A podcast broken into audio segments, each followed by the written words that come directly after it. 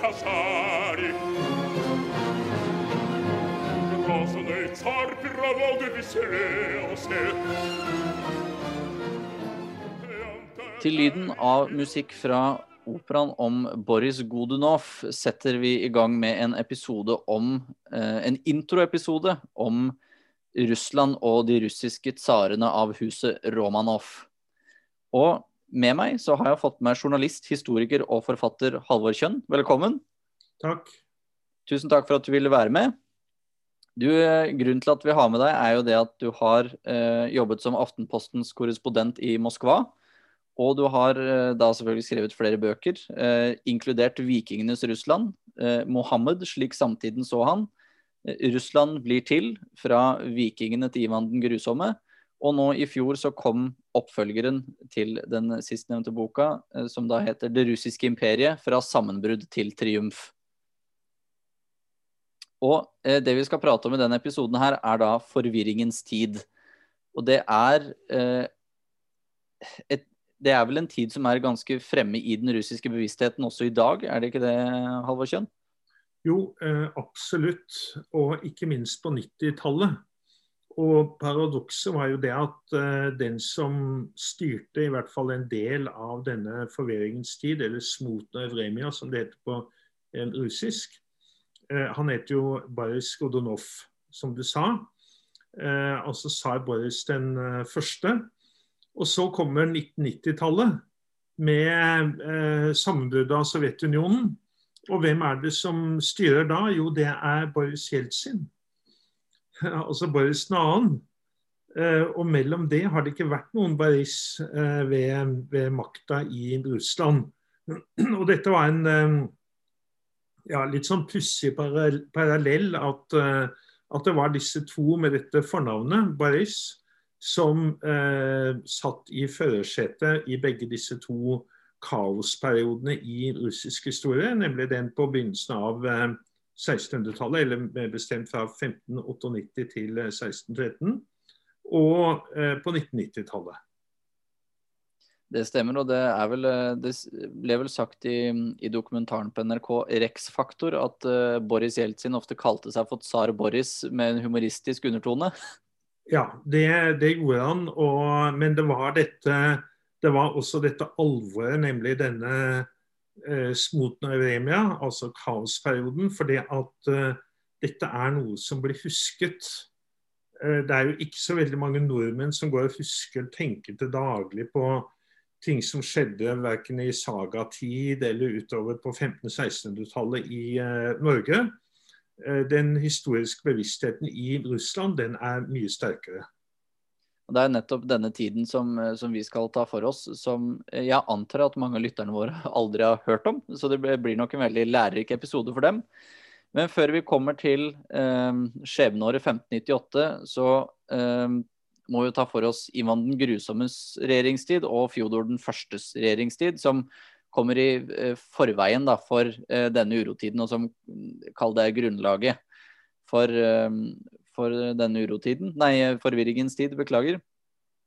Og um, um, Ivan den grusomme døde da i 1584, og har da tatt livet av den antatte tronarvingen.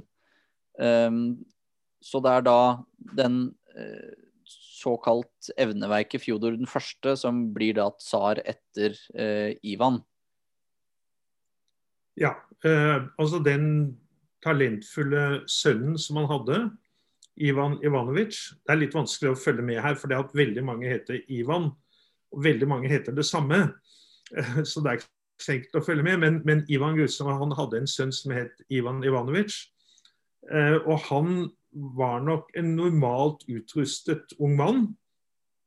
Og så i 1582 så tar da Ivan det grusomme livet av sønnen sin. Eh, og da hadde han én sønn igjen, nemlig Fjodor Ivanovic.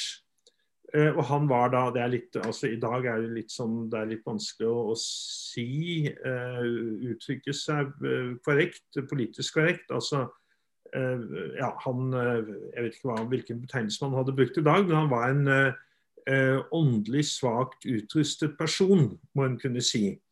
Det var det vi i gamle dager kalte for ja, litt tilbakestående.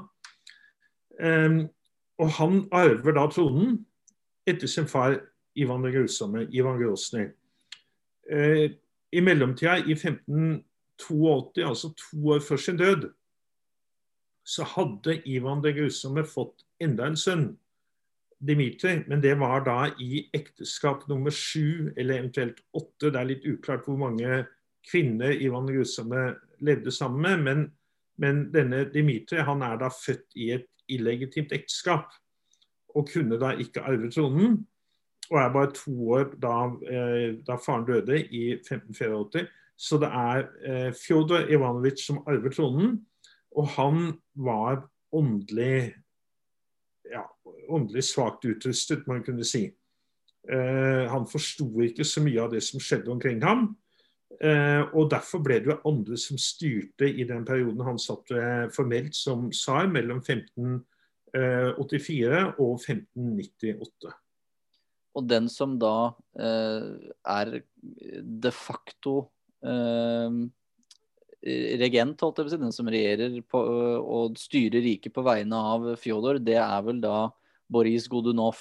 Ja, det er Boris Godunov. Og denne veldig myteomspunne skikkelsen i russisk historie, han styrer da landet, og det går ikke så aller verst. Men det som er problemet, er det at Ivan den grusommes tid var jo en tid full av krig.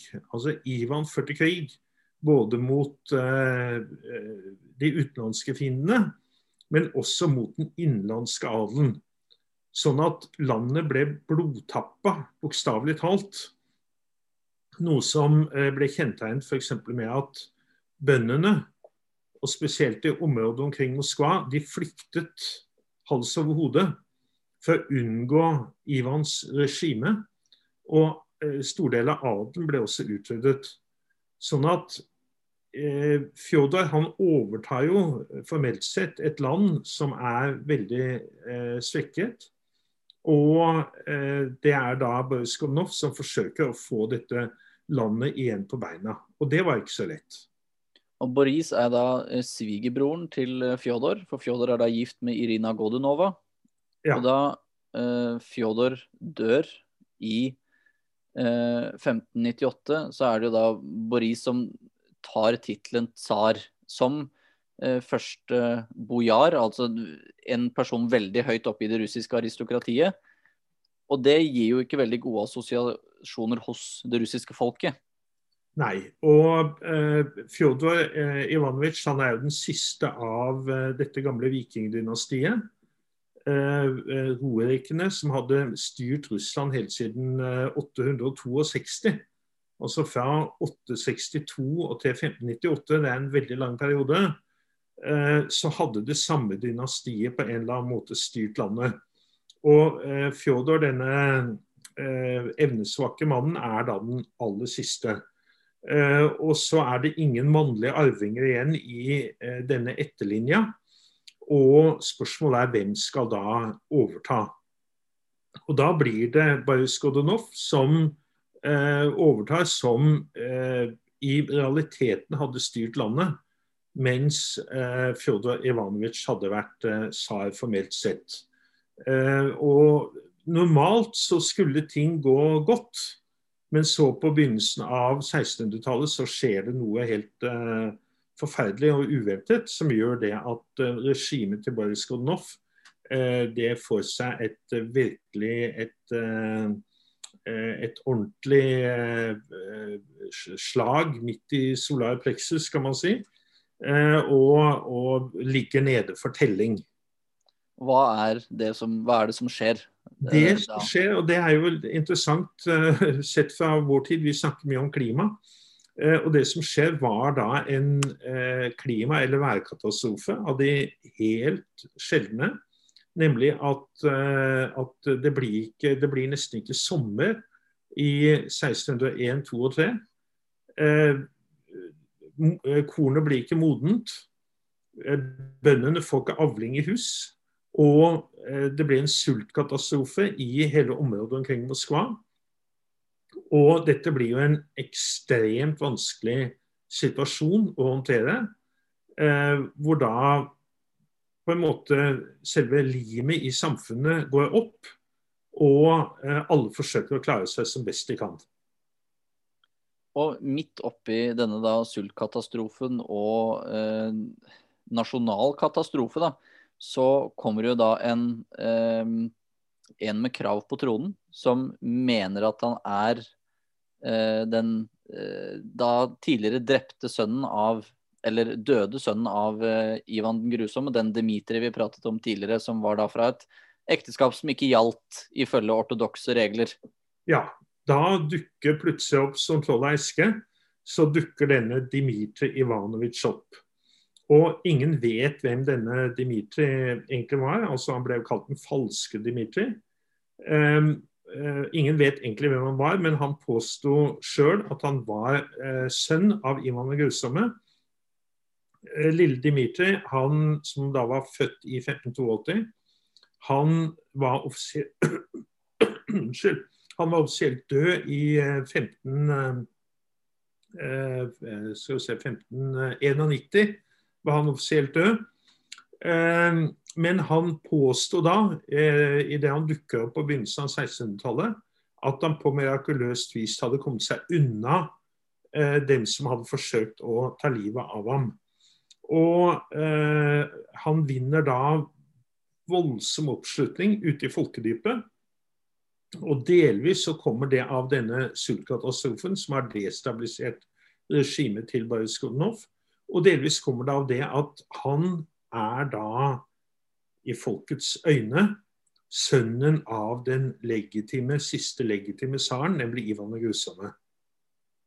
Altså det, det, at Boris Godunov i utgangspunktet var en bojar, gjør vel ikke eh, videre, den videre regjeringstjeneste noe enklere. For i den russiske bevisstheten på den tiden, så var bojaren, eller bojarene var, kall det de onde, i hermetegn, mens da tsaren og folket var de som sto sammen. Så tsaren var veldig sjeldent um, veldig sjeldent um, offer for uh, opprør, men det var gjerne opprør mot bojarene rundt tsaren. Ja, og det er jo det som kjennetegner denne folkemytologien gjennom alle århundrene. Eh, ja, helt til i dag. Eh, man kan se det i dag at uh, i veldig mange russeres øyne så er Putin Han gjør ikke noe galt, men det er de folkene omkring ham som gjør gale ting. Og hvis da Putin eller tsaren eller hvem det måtte være, altså den som hersker i staten, får vite om tingenes rette tilstand, så vil han bringe orden i tingene, og alt vil igjen gå godt. Og den situasjonen som var etter 1598, det var det at en av disse bojarene, altså en av disse som sto i kretsen omkring tsaren, som da var presumptivt eh, ond, hadde overtatt makta. Og når det da plutselig dukker opp en mann som sier at ja, men jeg er den legitime tsaren, og denne eh, eh bojaren som da satt med makta, i tillegg hadde styrt landet i en sånn uhyggelig sultperiode som kom på begynnelsen av 1600-tallet, så sluttet folket en masse opp om den, de, den de anså å være den legitime tsaren. Det som da skjer etter at Boris har regjert i eh, syv år, er det at han blir eh, styrta og drept, eller dør han? Ja, det er litt uh, Ja, altså han Altså, eh, eh, Dmitrij Ivanovic invaderer landet sørfra ved hjelp av en leiehær som han har fått fra eh, Polen. Eh, og kommer inn i landet og begynner å nærme seg Moskva. Eh, og så eh, dør Boris Godunov, og det er litt uklart om han dør av et hjerteattakk eller et slag, eller om han rett og slett tok gift, altså tok livet av seg sjøl fordi at han så det at eh, hans framtid var veldig usikker. I hvert fall så dør han da våren 1605, i april 1605.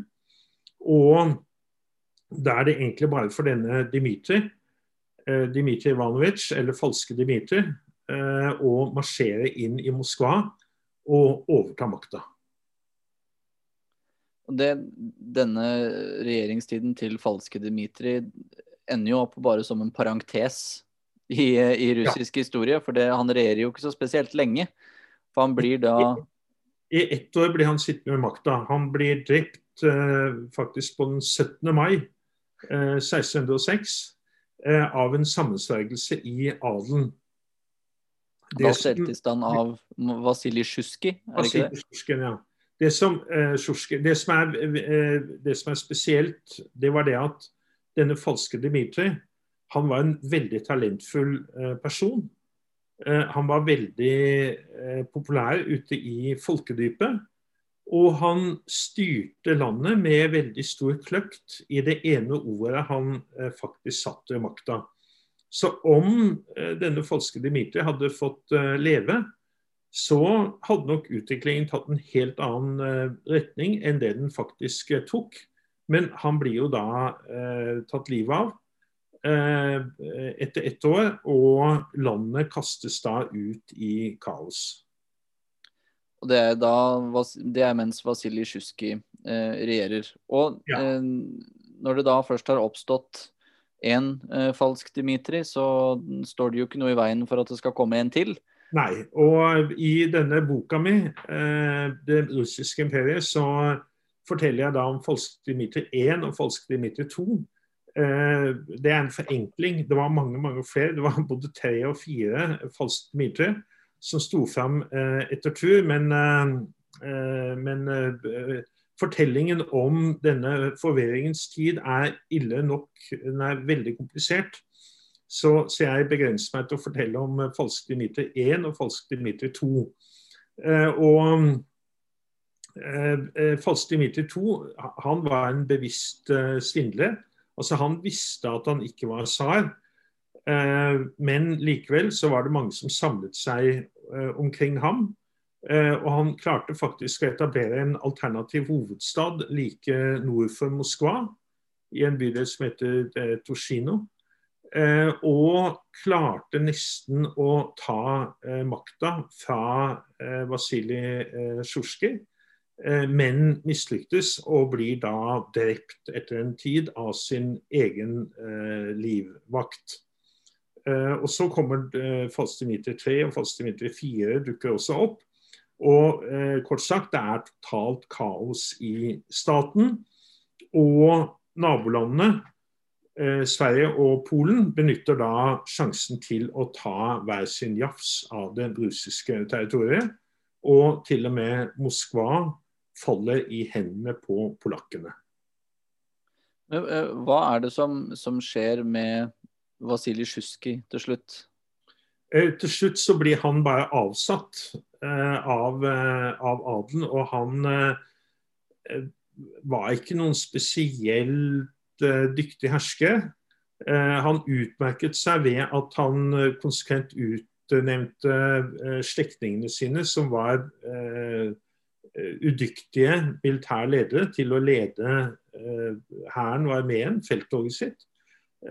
Og fra den ene militære fiasko til den andre. Han hadde én dykktig slektning som kunne ha reddet regimet hans, men, eh, men Vasilij Sjusjkij sørget for å ta livet av ham, sånn at han ikke ble en konkurrent. og Det er også typisk da for denne smoten og Euremia, denne forvirringens tid.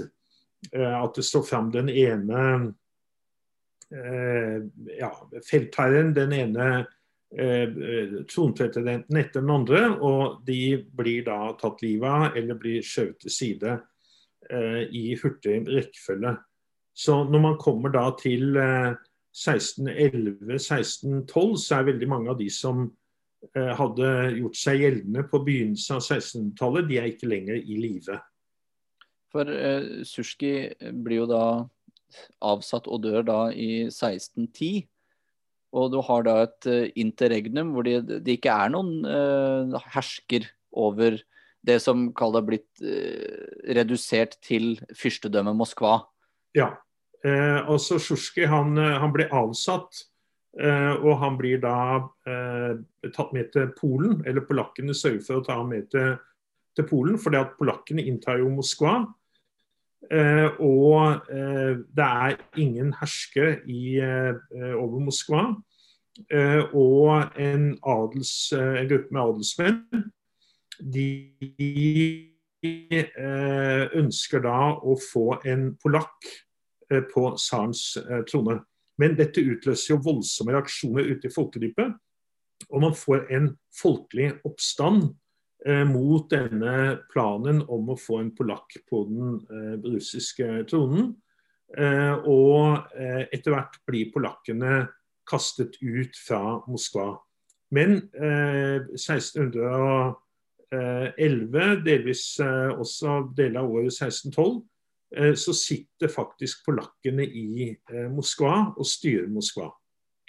Problemet med polakkenes eventuelle krav på tronen, eller tilbud om å få tronen iallfall, spinner vel mye på eh, religionen, om, som er, står veldig sterkt i Russland. Spesielt det med det ortodoksi, den rette lære, eller det som på russisk heter pravoslavoje. Ja, for det at man kan jo lure på hva var det som førte til denne folkeoppstanden mot polakkene. Fordi at Vi er jo vant til å tenke på dette med nasjonalisme som en veldig viktig eh, motiveringsfaktor eh, i vår tid, eller de siste 200 årene. Og, og, nasjonalisme var nok til en viss grad til stede, men det aller viktigste det var nok den religiøse Eh, eh, mobiliseringen. Nemlig det at om polakkene, om det var blitt en polsk tsar på den russiske tronen, så var han opprinnelig en katolikk. Og denne tanken om at en katolikk skulle bli hersker i den hellige byen Moskva, som var sentrum for den ortodokse kristenheten. Ehm, ja, altså bare, tanken om at en eh, katolikk kan bli eh, hersker i, over Moskva, i Kreml, som er selve sentrum for den ortodokse troen, det var en fullstendig umulighet. Eh, fordi at moskovittene, det moskovittiske riket, det regnet seg jo som Guds bollverk på denne kloden. Eh, det satt jo en patriark i Konstantinopel eh, og i ulike byer i eh, Midtøsten. Men alle de byene var under muslimsk herredømme. Det var sultanen i Konstantinopel som hersket da, der hvor, hvor patriarken i Konstantinopel satt. Det eneste eh, uavhengige landet som var ortodoks, det var Russland. Og Derfor anså datidas russere de anså seg som selve bollverket, Guds bollverk på denne kloden. Og det er, det er, veldig viktig. og Nå kom, sto man da fra den situasjonen at dette Guds bollverk på denne klode kunne bli underlagt en katolikk. Og det var helt utenkelig. Det er vel det som uh, kalles for teorien om det tredje Rom. Ja. Først så faller den rette kristendommen i Roma, og så faller da kristendommen i Konstantinopel når osmanerne tar over eh, det bysantinske riket. Og da er det bare Moskva som står igjen da, som den eneste beskytter av den rette tro og rette lære. Ja. Og, og, nå, som en følge av denne kaosperioden, så sto jo selve dette, eh, det man anså for å være kristenhetens sentrum, sto i fare for å falle sammen og sto i fare for å bli underlagt katolikkene. Og det måtte man jo unngå for enhver pris. Eh, og denne polakken som de da lurte på å innsette som tsar, var da Vladislav, eh, som var sønn av Sigismund 3. av Polen. Og det hadde vel godt hadde Vladislav um, uh, hva heter det for en, konvertert til den ortodokse tro, om Sigismund hadde holdt seg unna. For der uh, går det vel litt stokk, over stokk og stein. Ja, for det at uh, Sigismund, altså kongen, han finner da etter hvert ut at uh, han vil ikke sette sønnen sin på tronen i Moskva, men han vil selv sitte på tronen i Moskva. Og, og, da blir jo dette her med en Da har man ikke lenger en ekskatolikk som er gått over til eh, ortodoksien på tronen, men man har en katolikk som blir sittende på tronen i Moskva. Og dette er helt utenkelig. Og dette utløser dette, denne folkeoppstanden under ledelse av disse to Posjajskij og Minin, som man kan se en statue av på Den røde plass i Moskva den dag i dag. Og det ble en omfattende oppstand som får bred tilslutning, og som fører til at katolikkene blir kastet ut av Moskva. Og denne eh, Minin og den andre du nevnte, hva er det han het for noe igjen? Posjajskij. Ja, Posjajskij og Minin er jo da instrumentale i det å få valgt den, det som blir den nye tsaren til slutt. Da. For de, det settes jo ned en, en, et bojarråd som prøver da å finne ut hvem er det som er Hvem er det det er lurest å velge til tsar da, for å få ro i riket? Ja, det kommer sammen en, faktisk en landforsamling altså som representerer også bøndene. Ikke de livegne bøndene, men de uavhengige frie bøndene. Og kjøpmennene, eh, kirkens folk og adelen. Og kosakkene. Ikke minst, for kosakkene hadde vært viktig i, i, med å drive ut polakkene. Og eh, denne landforsamlingen sitter da sammen denne vinteren 1612-1613 og ut på våren 1613 og skal finne ut hvem skal bli ny tsar i Russland. Og da er det jo veldig mange kandidater, og det er til og med en svensk prins eh, som eh, er en mulig kandidat. Eh, men eh, spesielt eh, kosakkene de er sterkt imot at en utlending skal eh, komme på tronen i eh, Moskva. Og man etter hvert finner ut at man må velge en eh, russisk høyadelsmann eh, som ny tsar. Og så er det mange ulike navn som er oppe på, på tapetet. Men man samler seg etter hvert om Mikhail Romanov. Og Noe av grunnen til at det er nettopp Mikhail Romanov som uh, ender opp som uh, tsar og blir valgt til det, er jo noe av tilknytningen han har til Ivan den grusomme. Ja, Uh, så underlig det enn høres ut. For man kunne jo tro at man hadde avskydd alt som hadde med Ivan den grusomme å gjøre. Men, men grandtante til Mikael var den første kona Anastasia til eh, Ivan den grusomme. Sånn at disse to klanene, eh, altså eh, tsarens familie, da, rorikene, og eh, Romanovene, de var nært beslektet. Eh, og eh, så er det jo veldig mange ulike De ulike fraksjonene hadde ulike begrunnelser for å velge falle ned på dette valget av Mikael. Eh, høyadelen de anså mente det at, eh, eller tenkte slik at Mikhail Romanov han var ikke en spesielt eh, talentfull ung mann. Og dessuten var han, ble regnet for å være litt viljeløs. Sånn at de kunne kontrollere ham og holde kontroll med ham. mens kosakkene de ønsket Mikhail spesielt fordi han var sønn av Filaret Romanov. Og denne Filaret Romanov han hadde eh, vært eh, mot eh, Sjusjkij-dynastiet, altså denne tsaren som ble valgt som hadde vært med på å ta livet av eh, falske Dmitrij. Og, eh, eh, og, hadde stått da i spissen for motstanden mot Sjusjkij-dynastiet. Så kosakkene de valgte, de ønsket Mikhail Romanov på tronen pga. tilknytningen til Filaret Romanov.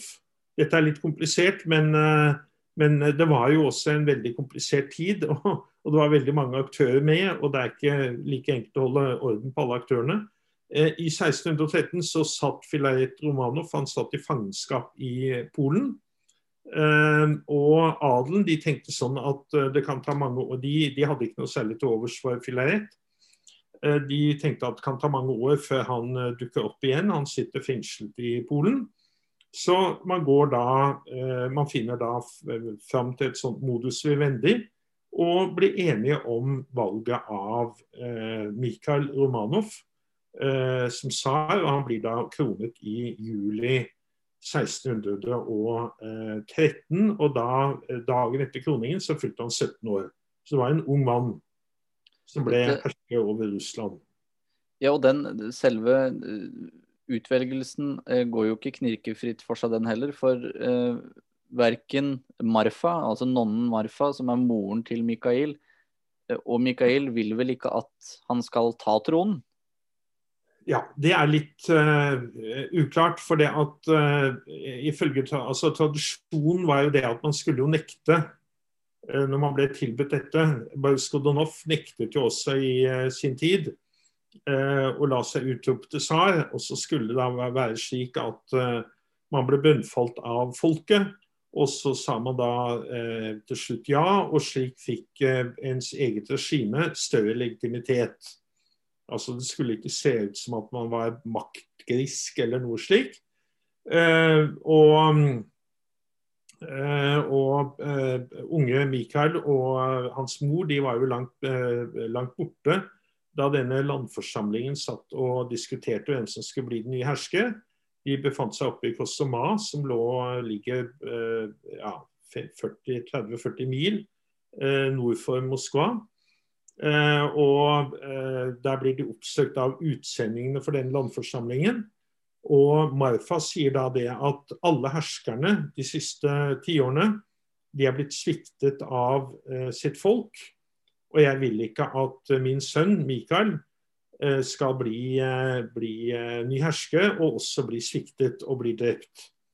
Og alle stendene, alle gruppene av folket må da love dyrt og hellig at de skal hjelpe Mikael Romanov, og at de skal adlyde ham eh, når han overtar makten i, eh, over Moskva. Og da, da, han blir valgt, så eh, setter jo det ikke umiddelbart, men eh, i vår historiske bevissthet en stopper for eh, forvirringens tid. Ja, og det, det, er jo nettopp det markerer denne at eh, denne smoten Evemia, den er slutt. det var det jo ingen som kunne se så tydelig da det skjedde, men, men landet var utmattet. Det var ikke på en måte mer å krige om. det var nødt til å bli fred. og denne unge, ikke altfor talentfulle Mikhail Romanov han blir da grunnleggeren av dette herskerhuset, Romanovene, som kom til å herske helt til 2.3.1917. Altså opp mot vår tid. Og eh, med det så eh, vil jo denne episoden da ferdig, være ferdig, ettersom eh, urotiden har kommet til sin eh, avslutning.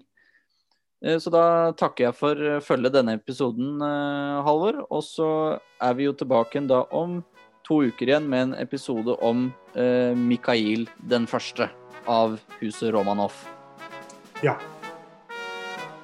Og da er det enda mye, mye mer å snakke om. Det stemmer. Vi lyttes.